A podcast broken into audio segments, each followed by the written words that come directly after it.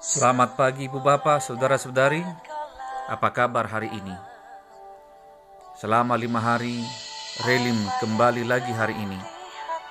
Senin 28 Oktober 2019. Firman Tuhan tertulis dalam kitab Kisah Para Rasul 12 ayat 12. Demikianlah firman Tuhan.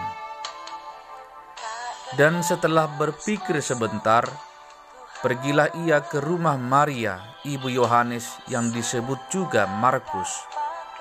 Di situ banyak orang berkumpul dan berdoa.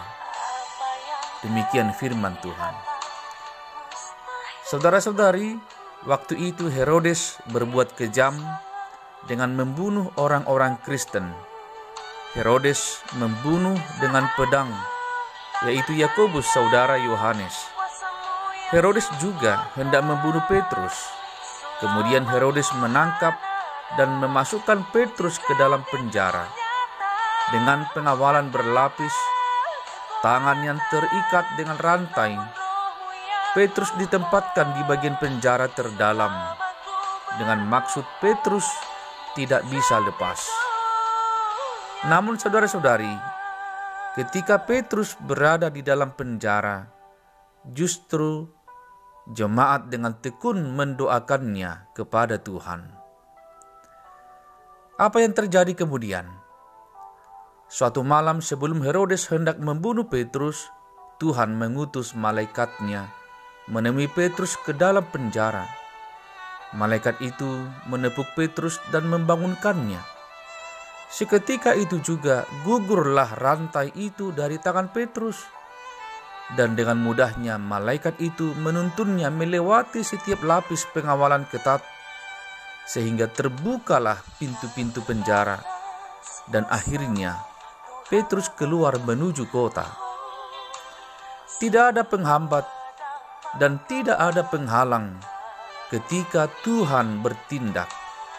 Semuanya menjadi sangat mudah. Saudara-saudari, setelah peristiwa itu, Petrus kemudian bergabung dengan komunitas orang percaya di rumah Maria, ibu Yohanes. Mereka berkumpul dan berdoa. Dengan kuasa doa, Petrus terbebas keluar dari penjara. Maka benarlah firman Tuhan dalam Matius 18 ayat 20, Yesus berkata, Sebab di mana dua atau tiga orang berkumpul dalam namaku, di situ aku ada di tengah-tengah mereka. Dan lagi Yakobus dengan pengalaman doanya mengatakan, doa orang yang benar, jika dengan yakin didoakan, sangat besar kuasanya. Yakobus 5 ayat 16 Saudara-saudari, pengalaman Petrus ini adalah pengalaman setiap orang yang menderita namun tetap percaya kepada Tuhan. Apakah akhir-akhir ini hidupmu terasa sulit? Apakah bebanmu sangat berat untuk dipikul? Atau masalahmu terlalu rumit untuk diatasi? Atau penyakitmu telah membuatmu begitu tertekan dan menderita?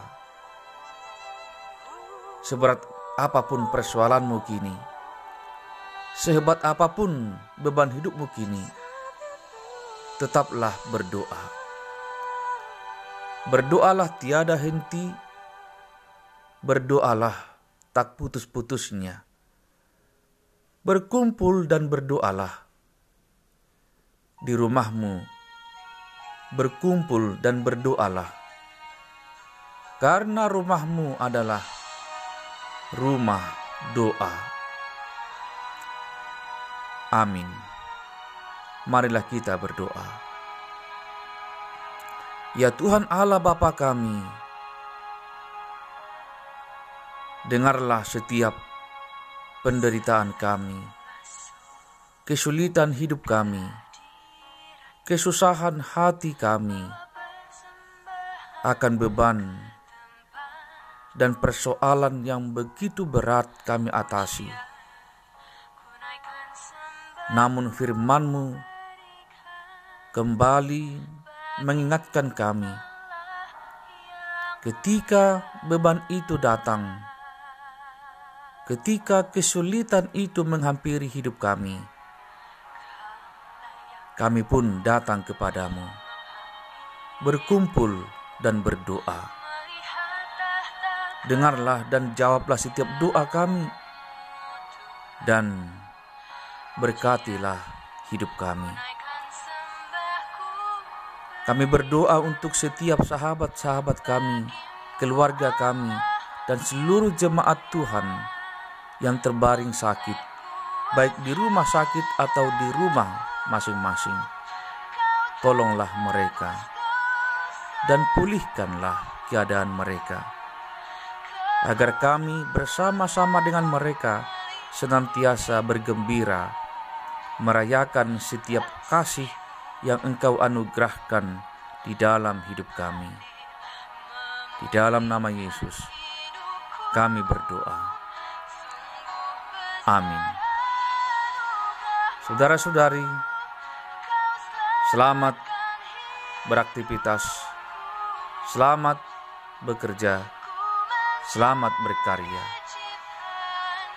Marilah mengawal dan merawat kesatuan dan kebersamaan kita sebagai warga kerajaan Allah dan warga kerajaan dunia, yaitu warga Indonesia. Di hari Sumpah Pemuda hari ini, marilah kita tetap bersatu. Indonesia adalah rumah kita bersama. Shalom.